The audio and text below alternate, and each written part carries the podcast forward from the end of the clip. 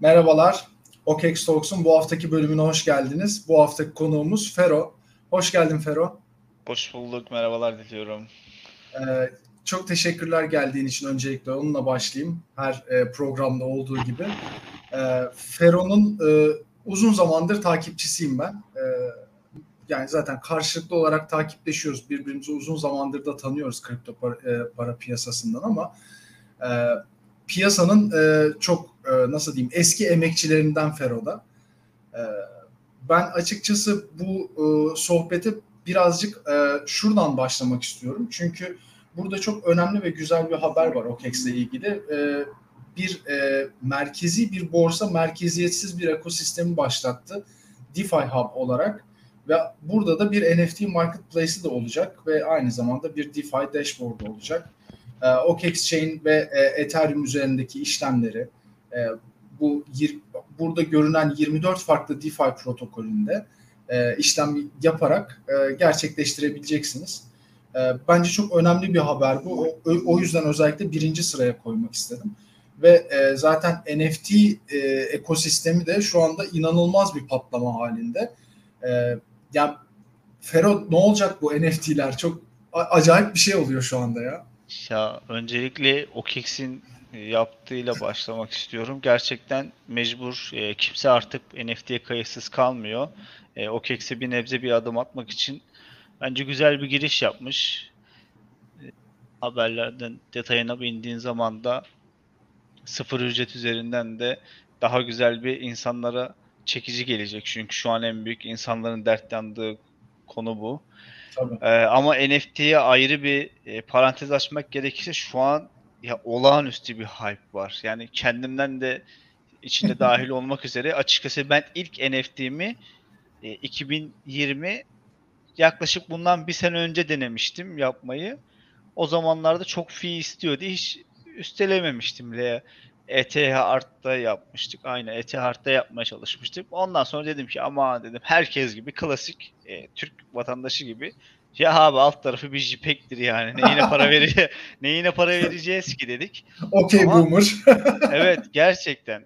Yani çoğu benim gibi eminim ki normal normal insanların %99'u böyle düşünüyor. Ama e, baktım hype ger- gerçekten gün geçtikçe büyümeye başladı. İnsanlar konuşuyor. Ya diyorum ya, bu kadar insan boşa konuşmaz yani. Biraz da e, diğer taraftan, diğer pencereden bakmaya çalıştım. Ve her şeyi bıraktım. Bir trade trader olarak bakmaya başladım. Çünkü insanlar bunu alıp satıyor. Alınıp satılabilen her şey benim için bir üründür. NFT'si olsun, herhangi bir ekstra bir coin olsun fark etmez. Sonra bir içine bir girdik bu işin. Abi çıkamıyoruz.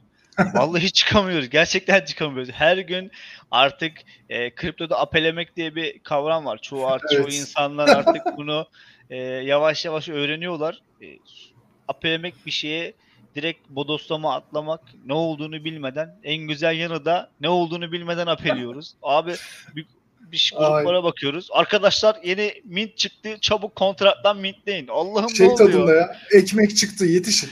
ya giriyorum mintliyorum bir bakıyorum OpenSea'ya saç bir tane siyah üzerinde altı tane kelime. Allah Allah diyorum. Buna mı bunu mu mintledik falan filan bak. Şimdi bana şu an saçma gelen şey e, bundan yaklaşık işte bu loot, orijinal loot for adventures için e, bir ay mı iki ay mı öncesi insanlar için şu an e, kişi başı 100 bin dolar kadar airdrop ile beraber para kazandıran bir şey. Yani zamanında belki de bu işe şimdi değil de bir ay önce hype'lansek belki de çok farklı yerdeydik. O yüzden hani trendin e, trende kar, her zaman söylüyorum trende karşı olmak yerine trendden e, bir nebze bir yere girmek lazım ama e, maalesef bizim insanımız biraz e, buradaki kazançları her kriptoya ilk girdiği gibi kazancı kolay gördüğü için her şeyi atlayıp her şeyden büyük kazanç getirisi bekliyor ama e, bu biraz şans ve biraz öngörü geçir şey istiyor açıkçası. O yüzden ya, tecrübe Aynen kesinlikle. kesinlikle. Sen dedin ya hani eski diye ben 2017'den beri bu piyasadayım. E, o yüzden biraz tecrübe var. Hani bu NFT ne kadar yeni olsa evet. da trader tecrübesi diye bir şey var. E, her şeyi Yok. atlamamak lazım. Özellikle şu an Solana çok meşhur biliyorsun. Avax ve Solana özellikle. Kesinlikle. Avax Kesinlikle. arkasından geliyor çok hızlı şeride. Şu an e, dili gibi NFT ön satışı var. Ika, Ika Furyası gibi. Ben onun çok karşıyım. Geçen gün uyardım. E, Solano'da Solamanders diye bir proje çıktı. Ya adam var bir tane NFT'yi 5 e, soldan yaklaşık 750 dolardan mintliyor. Bak adam hiçbir şey yapmadan 7 milyon dolar claim ediyor kurucuları. Ve e, insanlar bunu claim ediyor. Elindekileri bir sola bile satamadılar. Şu an hala Oo. dertleniyorlar. O yüzden e, benim nacizane tavsiyem NFT'ye e, ilgilenen arkadaşlar her şeye atlamamak lazım. Hype varsa illaki şans denenir. Mesela geçen Auri Auri çıkmıştı şeyde e, Solano'da. O hala hype'ını devam ettiriyor ama her şeyi de atlamamak lazım. O yüzden dikkatli olun yani. Ya şöyle bir durum var şimdi. Ee, ben her zaman bunu söylüyorum. Aslında sadece NFT'ler için de değil. Ee, bilmediğiniz ve projesine inanmadığınız ama size kar getireceğini düşündüğünüz her şey için. Ee, yapacaksanız dahi o parayı kaybetmeyi göze alarak yapın. Yani ben şu ana kadar aldığım işte apelediğim hatta öyle diyeyim bütün NFT'leri e, yani sanki elimde kalacakmış gibi aldım. Evet, evet ben, kesinlikle. Yani bunun geri dönüşü yok. Ben bu parayı verdim e, ve artık yok bu para. Hayatımda yok. Çıktı. Bitti. Bir JPEG için gerçekten verdim bu parayı diye düşünerek alıyorum. Ha ya öyle bir piyasadayız ki daha hiçbirinden zarar etmedim. Allah var. Yani e, ben denk gelmedim belki de. Çünkü bazı projelere baştan girmiyorum. E, benim için belli e, red flagler var. Böyle o onu gördüğüm zaman kaçıyorum mutlaka. Ee, ya ama mesela az önce bir biz işte muhabbet ekibi olarak, kapital ekibi olarak e, adını da söylemeyeyim sonra şilliyor olurum. Bir tane e, NFT projesine kontrattan girdik ya. Yani gerçekten kontrattan girip aldık daha ne aldığımızı bile bilmiyoruz yani. İşte hani ama bakalım ne çıkacak biz de bilmiyoruz ama burada hani tabii ki çok küçük şeyler e, paralar riske ediyoruz e, elimizden geldiğince. Hani biraz daha böyle işte hani ekosistemin içinde kalınca belli şeylere kayıtsız kalamıyor insan.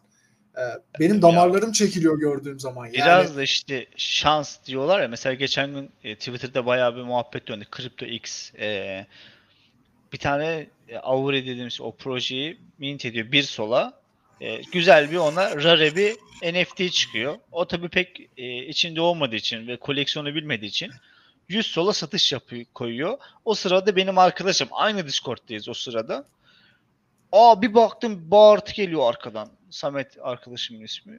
Ne oldu? Fero bir tane acayip NFT aldım. Ne aldın abi? 100 sola. Abi diyorum 100 sol verdi. İşte o zaman da e, 12 bin dolar ediyordu. Harbiden 12 bin dolar mı verdin dedim. Evet dedi 12 bin dolar verdim dedi. Helal olsun dedim. Cesaret etti 12 bin dolar verdi. 4 saat sonra 175 bin dolara sattı.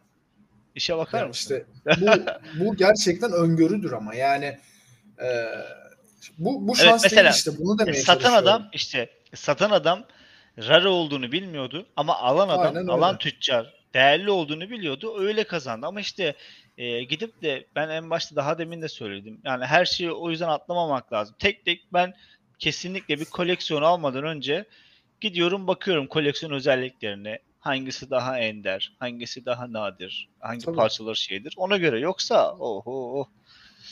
İşin Kesinlikle içinden çıkamayız öyle. gerçekten. Kesinlikle öyle. Ben mesela şeye de karşıyım.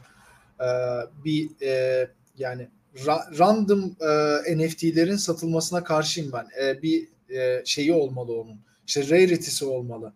İşte şey olayları var ya işte common, uncommon, rare, legendary bilmem ne falan belli kategorizasyonları var. Belli parçalar daha düşük sayıda çıkıyor.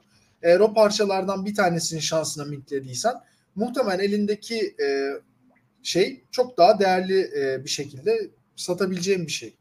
O yüzden ben mesela düz NFT'lere de karşıyım. Çok görüyorum öyle herhangi bir rarity klası olmayan hani e, tek tip NFT'lere evet. e, ben mesela almıyorum onları çoğu zaman. E, mutlaka bir rarity istiyorum ama e, tabii onlar da şans tamamen bir, bir nevi piyango aslında. Adam diyor işte %7 şansla rare çıkıyor diyor o yüzde yedilik dilime girebiliyorsam bir şekilde ya da üst üste mintleyip o onu zorlayabiliyorsam kar edebiliyorsun ciddi şekilde. O yüzden çok enteresan bir piyasa. Bu zamanında şeyler varmış.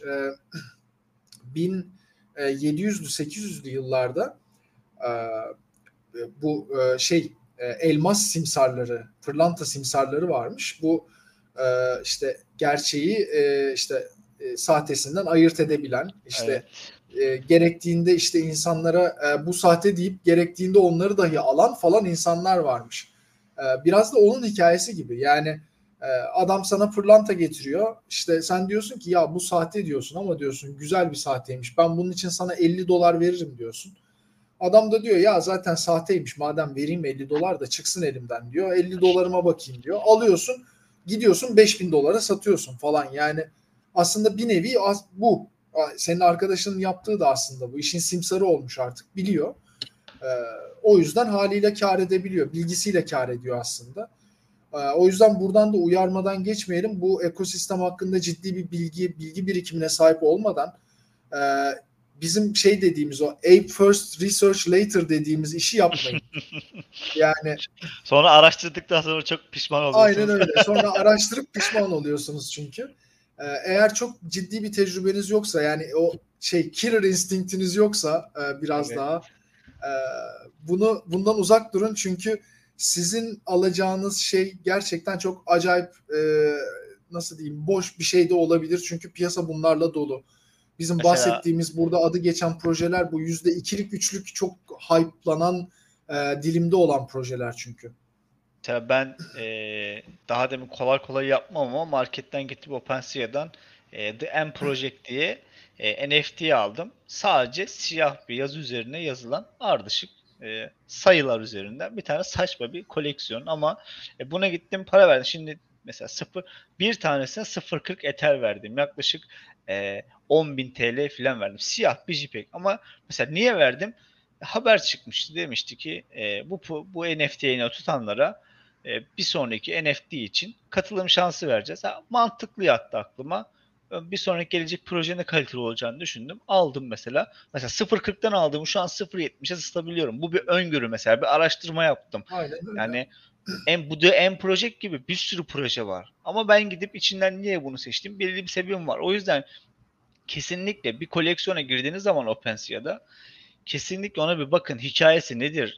Twitter'da yazın arattırın. En basit Twitter'da yazın arattırın. Kimler şilliyor? Kimler ne demiş? Kimler neler Ve yazıyor? Ona göre ben e, Telegram kanallarını takip etmelerini şiddetle öneriyorum. Büyük e, şöyle diyeyim hatta. E, şimdi ben Muhabbet Kapital'de de e, projelerle iletişim halindeyken hep şunu görüyorum. İyi projelerin her zaman aktif olarak yönetilen kaliteli Telegram grupları var bu ve bu e, Telegram gruplarında mutlaka sizin sorularınıza cevap veriyorlar.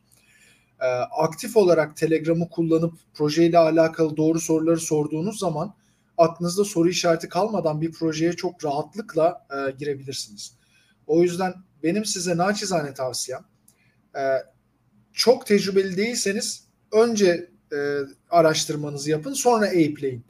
E, diyorsanız ki ben gerçekten artık bu piyasada bir şeyleri görerek Hani böyle baktığımda anlayabiliyorum artık bunun adam olup olmayacağından diyorsanız e, o zaman dükkan sizin zaten. istediğinizi ekleyebilirsiniz. Ama e, eğer yeniyseniz e, lütfen rica ediyorum önce araştırmanızı yapın. E, çünkü e, işte Sonrasında 0. gerçekten nokta, aynen, arkadaşlar. 0.4 Ether verdin. İşte floor price şu anda e, 0.8 olmasaydı 0.08 e, olsaydı kendini dolandırılmış gibi hissedecektin. Haksız mıyım Ferhat?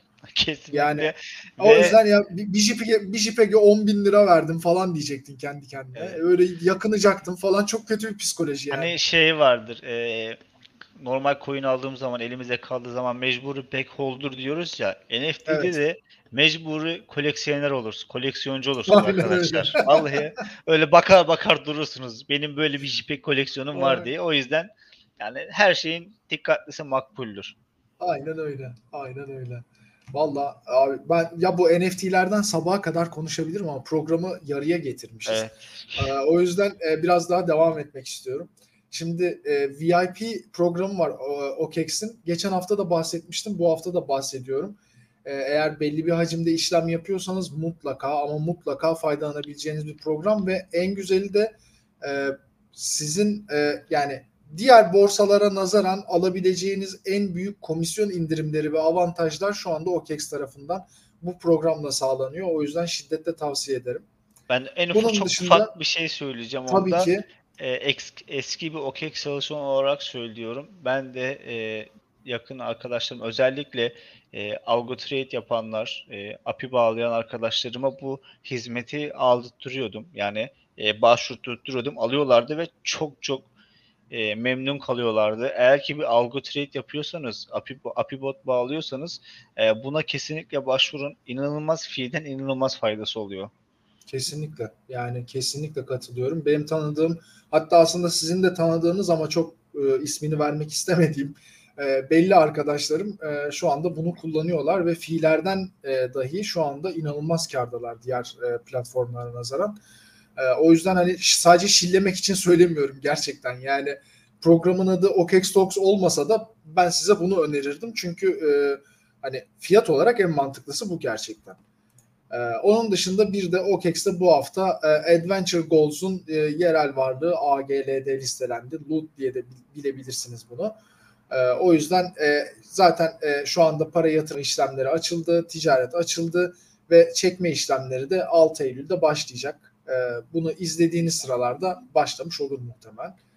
E, ve asıl buna gelmek istiyorum şimdi. Bu da çok enteresan bir mevzu çünkü ilk defa şu anda Ethereum EIP 1559 güncellemesiyle e, ürettiğinden daha fazla Ethereum yakarak ilk defa deflasyonist bir varlık haline geldi. İlk defa bugün. bugün Sürekli insanlar gerekiyor. soruyordu. E, bu Kesinlikle. güncelleme ne işe yaradı, ne işe yaradı? İşte bu işe yarıyor arkadaşlar. Aynen e, öyle. Bunun faydasını ileride çok çok göreceğiz. Ya bu ne, ne kadar e, devamlı olabilir onu bilmiyorum gerçekten özellikle şu koşullarda. Ama şunu çok iyi biliyorum. Önümüzdeki 3 ila 5 yıl arasında e, şu güncellemenin e, fiyatlaması dahi çok muazzam seviyelere ulaşabilir. Yani şu ana kadar e, işte aşağı yukarı 200 bin Ether yakıldı. Yani, yani çok inanılmaz bir rakam. Yani 1 milyar dolara yakın bir rakamdan bahsediyoruz. E, ve yani daha yeni oldu bu. Daha yeni başladık. Ya bunun böyle bir yıl, iki yıl boyunca devam ettiğini düşünebiliyorsanız e, ne demek istediğimi anlayacaksınızdır. E, sürekli e, bir e, arz vardı daha önce ve bu arzı karşılayıp onun üstüne çıkan bir fiyat vardı. Şu anda artık o arz yok. Yani arz var ama aslında yakın da olduğu için arzın altına düşüyor.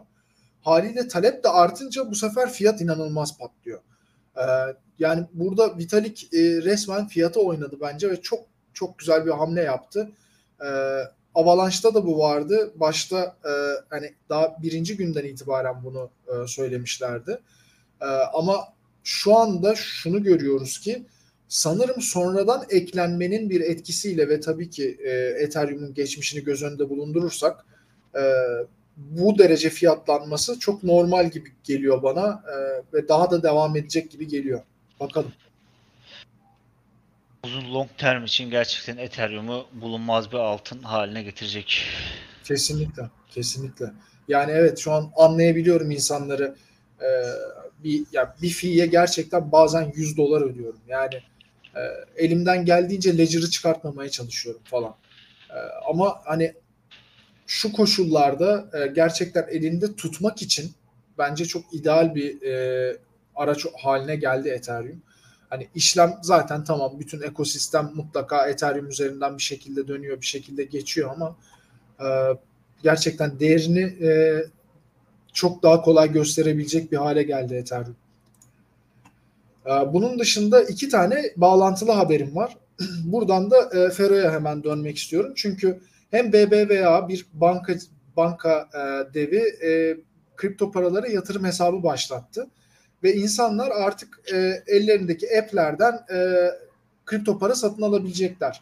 Zaten daha önceden bir adımı vardı e, ve bu adımın artık son hali olarak e, göze çarpıyor. Önceki bölümlerde de izlemişsinizdir muhtemelen hatırlarsınız BBVA'nın haberini. E, bu onun yanı sıra üstüne CBI Holdings, e, SBI Holdings daha doğrusu e, bir kripto para fonu başlatmayı e, düşünüyorlar ve e, bunun tabii ki bu fonun Bitcoin, Ethereum, Ripple, Bitcoin Cash ve Litecoin ağırlıklı olduğunu bunun dışındaki diğer kripto paraları da mutlaka değerlendirdiklerini söyledi. Üstüne 9 bin ila 27 bin dolar arasında bir yatırım zorunluluğu e, getirerek insanların bunları satın alabileceğini söyledi. E, şimdi bu kurumsal yatırımcıların girişiyle alakalı ben topu Fero'ya atmak istiyorum. Çünkü ben zaten her hafta bu tarz bir e, şey çıktığı ve yorumumu söylediğim için zaten biliyorsunuzdur benim yorumumu. Fero'nun fikrini merak ediyorum. Öncelikle şu e, banka haberinden başlamak istiyorum. Bu aslında e, şu açıdan çok çok olumlu bir haber. E, şimdi biliyorsunuz sosyal medyayı genellikle e, eksi 40'lar kullanıyor. Daha çok onlar e, tercih ediyor ve buradan 40 yaşının altındaki ediyor. kardeşlerim. Aynen. Lafım Ama, size. E, şöyle bir durum var. Dışarıda hala yatırım yapmamış ve kriptonun ne olduğunu merak etmek isteyen yorga e, yastık altı tayfa var. E, bunlar e, sürekli altında e, yastık altında altın, para biriktiren insanlar e, bir şekilde kriptoya girmek istiyorlar. Ama bunların e, bildiği en güvenli yol nedir? Banka. Onların gözündeki en güvenli şey bankadır. Bank, akıllardaki şey banka batmaz. Bankanın kasası var. Şöyledir böyledir. E, bir insan açık ben hiçbir şeyden haber olmayan bir insan e, çoğu insan artık e, altınlarını da banka hesaplarından alıyorlar. E, altınları banka tutuyorlar. E, kripto paraya da yatırım yapacak, yapmayı düşünen de diyor ki Aa bu banka bunu aşmışsa o demek ki bu kripto para artık güvenli. Hemen algı buraya gidiyor ve en güvenli yoldan e, kripto parasını banka tutarak güvence altına alıyor ve bu o tabakayı da açıkçası kriptoya çekmeye yarayacak bir haber ve çok güzel bir hamle bence. E, bunlar şu an herkes bekliyor ki şöyle e, haber çıktı anında Bitcoin 3000 5000 yükselsin. Ya bunlar e, kesinlikle canım, zaten şey e, üst üste bunlar, biriken haberler aslında bunlar. Ya bunlar piyasanın e, e, zeminini oluşturmaya ve sağlamlığını e, daha da arttırmaya yarıyor. Bak Bitcoin hala şu an 50 bindeyse inanın bu haberler sayesinde belki arttırmıyor ama düşmesini engelliyor. Yeni yatırımcıya çünkü e, bir ürünün yukarı çıkması için yeni bir e, talep gelmesi lazım. Bitcoin 65 lira çıktı orada bir e, talep azı satıcısı düşeceğiyle beraber e, bir satış dalgası yedi aşağılara düştü. E, bu yeni girecek yatırımcı sayesinde de e, oradan bir destek bulup tekrardan kendi zeminini oturtturmaya çalışıyor. İlerisi için bence mükemmel haberler ve yeni yatırımcıları da bu şekilde çekmek lazım. Artık biz Twitter'dan tweet atıp da ya da sokakta konuşarak yeni yatırımcı çekemeyiz. Yeni yatırımcı e, bundan sonraki yatırımcı zengin olmak isteyen tayfa geldi. E, parasını 100x yapmak isteyen tayfa geldi. Kısa yoldan vurmak isteyen tayfa geldi. Şimdi güvenli liman tayfa gelecek. Yavaş yavaş işte bütün herkesi içine çekeceğiz bu karabataklığın. kesinlikle ya ben de öyle düşünüyorum. Ee, şunu fark ettim son herhalde 3 aydır falan e, kriptodaki yaş biraz daha artmaya başladı. Ee, özellikle benim VC'lerle yaptığım görüşmelerde ben onu fark ettim. Eskiden böyle hep çok genç insanlar böyle hani bizim yaşlarımızda 20'li 30'lu yaşlarında falan insan en fazla 35 görüyorduk falan. Hani 35 görünce o adam yaşlıymış ya falan diyorduk öyle diyeyim.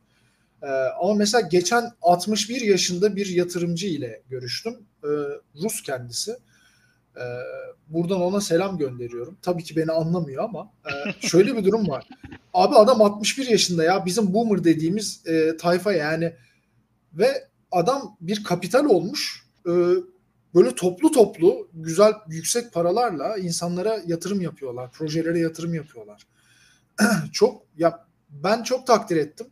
Özellikle de sordum yani dedim hani tek başına mı yapıyorsun? Ekibin kaç kişi? Kimler var? Ya hani çok kusura bakma ama hani bilinen beklenen yaş ortalamasının üstündesin. Ee, sizin tüm ekip mi böyle dedim. Ee, evet dedi biz üniversiteden arkadaşlarımızla toplandık dedi.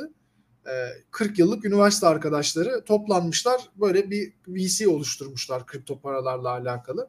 Tabii onların bir yazılım geçmişi de varmış anladığım kadarıyla falan. Çok enteresan bir oluşuma gitmişler. Çok da takdir ettim. Yani e, artık yatırımcılar öyle 20-30 yaşlarındaki e, yeni yetmeler değil. Kendimi de bu sınıfa koyuyorum. E, ve Artık böyle şey amcalar, bunlar, dedeler falan var. bunlar strong hands'ler, weak hands'ler değil. Bak Aynen şeyler öyle. alt tabaka Buhran çok görmüşler. heyecanlı. Hemen anında satıyorlar. Bunlar strong hands'ler. Bunlar var ya sitli sene satmazlar Bitcoin. O yüzden e, zemini çok güzel oluşturuyoruz. Bu kriptoyu yani beni heyecanlandıran kısmı şu. Yani sektörün ömrüne yıllar katıyor. Beni heyecanlandıran kısmı bu yani. Kolay kolay bitiremeyeceğiz artık. Hani herkes e, Hollanda'daki lale balonuna benzetiyorlardı, çiftlik banka benzetiyorlardı vesaire. Oh, daha çok. Bizim buradan ayrıştığımızı yavaş yavaş görecekler ve ne kadar uzun ömürlü olursa bizim için daha iyi. Kesinlikle. Ve yani bunun ömrünü arttıran da aslında işte bu tarz yeni haberler. Ee, ve şimdi de buna girmek istiyorum. Ee, yani Twitter çok enteresan bir hal alabilir. Ee, yani Strike uygulaması aracılığıyla e, Jack Dorsey e, bir Bitcoin ile tip verme mekanizması, e, bahşiş verme mekanizması başlatacakmış. E, ya bilmiyorum hani hani ben şu ana kadar hayatımda hiçbir okuduğum tweet'e tip atmak istemedim. Hani Hani şey aslında bilmiyorum bu ister miyim hani. Şey şöyle bir durum değil. var. Hani bir caps var ya ulan şu tweet'in alnı olsa da öpsem diye. evet. Arkadaşlar böyle diyenleri şimdi oraya Aynen sahneye davet ediyoruz. koyuyoruz. Evet. Ya şimdi ama biraz da e, açıkçası bizim kültürümüze biraz e, ters olduğu için insanlar bu işi yanlış algılıyor. Halbuki e, bahşiş kötü bir şey değil. Gittiğin e, restoranda da olsun, şeyde de olsun bahşiş vermek kötü bir şey değil. Ama ben kendi üzerimden söyleyeyim. Ben koyacağımı sanmıyorum. Büyük konuşmuyor ama öyle bir açıldığı zaman. E, ben oraya onu koyduğum zaman insanlardaki algı ne olacak biliyor musunuz? Bakın çok net ve net söylüyorum. Diyecekleri tek şey şu. Ulan fenomene bak. Sözde, Aynen sözde öyle. kripto trader ama buradan girecek bahşişe muhtaç. İşte bak. Aynen öyle. Bunu diyecekler. Nasıl reklam e, reklam alıp da sponsorlu bir tweet atan insan için bunu söylerse bahşiş konuna da onu söyleyecekler. Önce bizim zihniyet değişmesi lazım. Yabancılarda mesela tam tersi. Donate mükemmel bir şey ya. Evet, Herkes aynen öyle. her işinin altına donate adresini yazar. Bu kötü bir şey değil.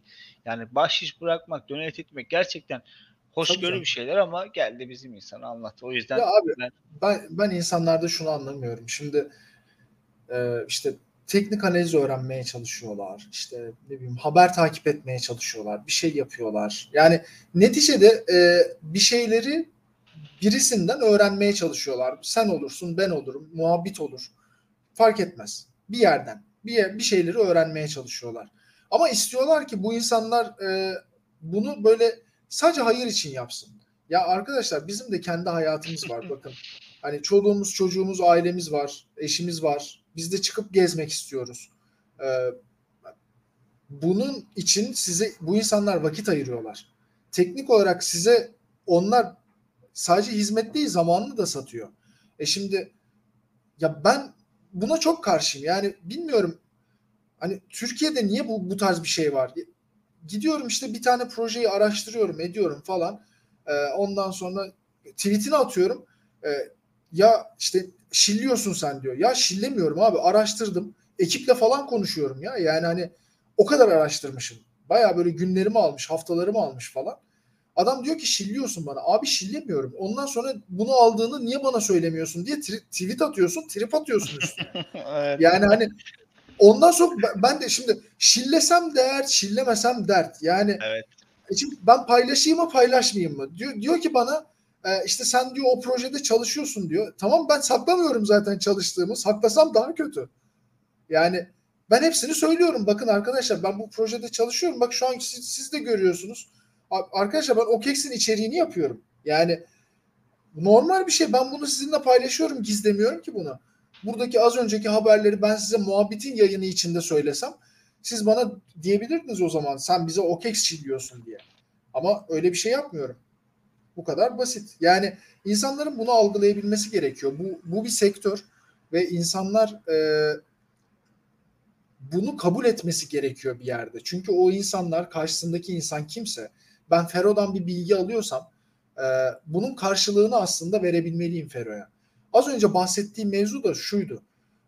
Twitter genellikle benim için öğretici bir yer olmuyor. Paylaşımcı bir yer oluyor öğretici içeriği Twitter'da bulmuyorum maalesef. İnşallah yani Barış'ı dışarıda tutuyorum. On-chain analizi gibi şeyleri.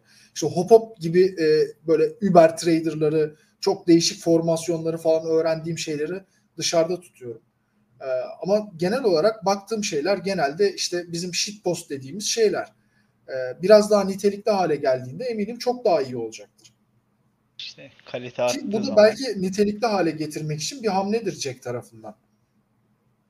İnşallah da ben dediğim gibi Türkiye'nin özellikle Türkiye kriptonun Twitter'ının uyum sağlaması biraz zor olacak. O yüzden şimdiden fenomen arkadaşlara başarılar diliyorum. İşleri çok zor. Ben, ben tipi kapatıyorum. Şimdiden söyleyeyim. Bende tip yok. Ben de büyük ihtimal açamam abi. Yani Neyse burada SAC'nin bir Uniswap incelemesi var. Bu haberle de bitirmek istiyorum.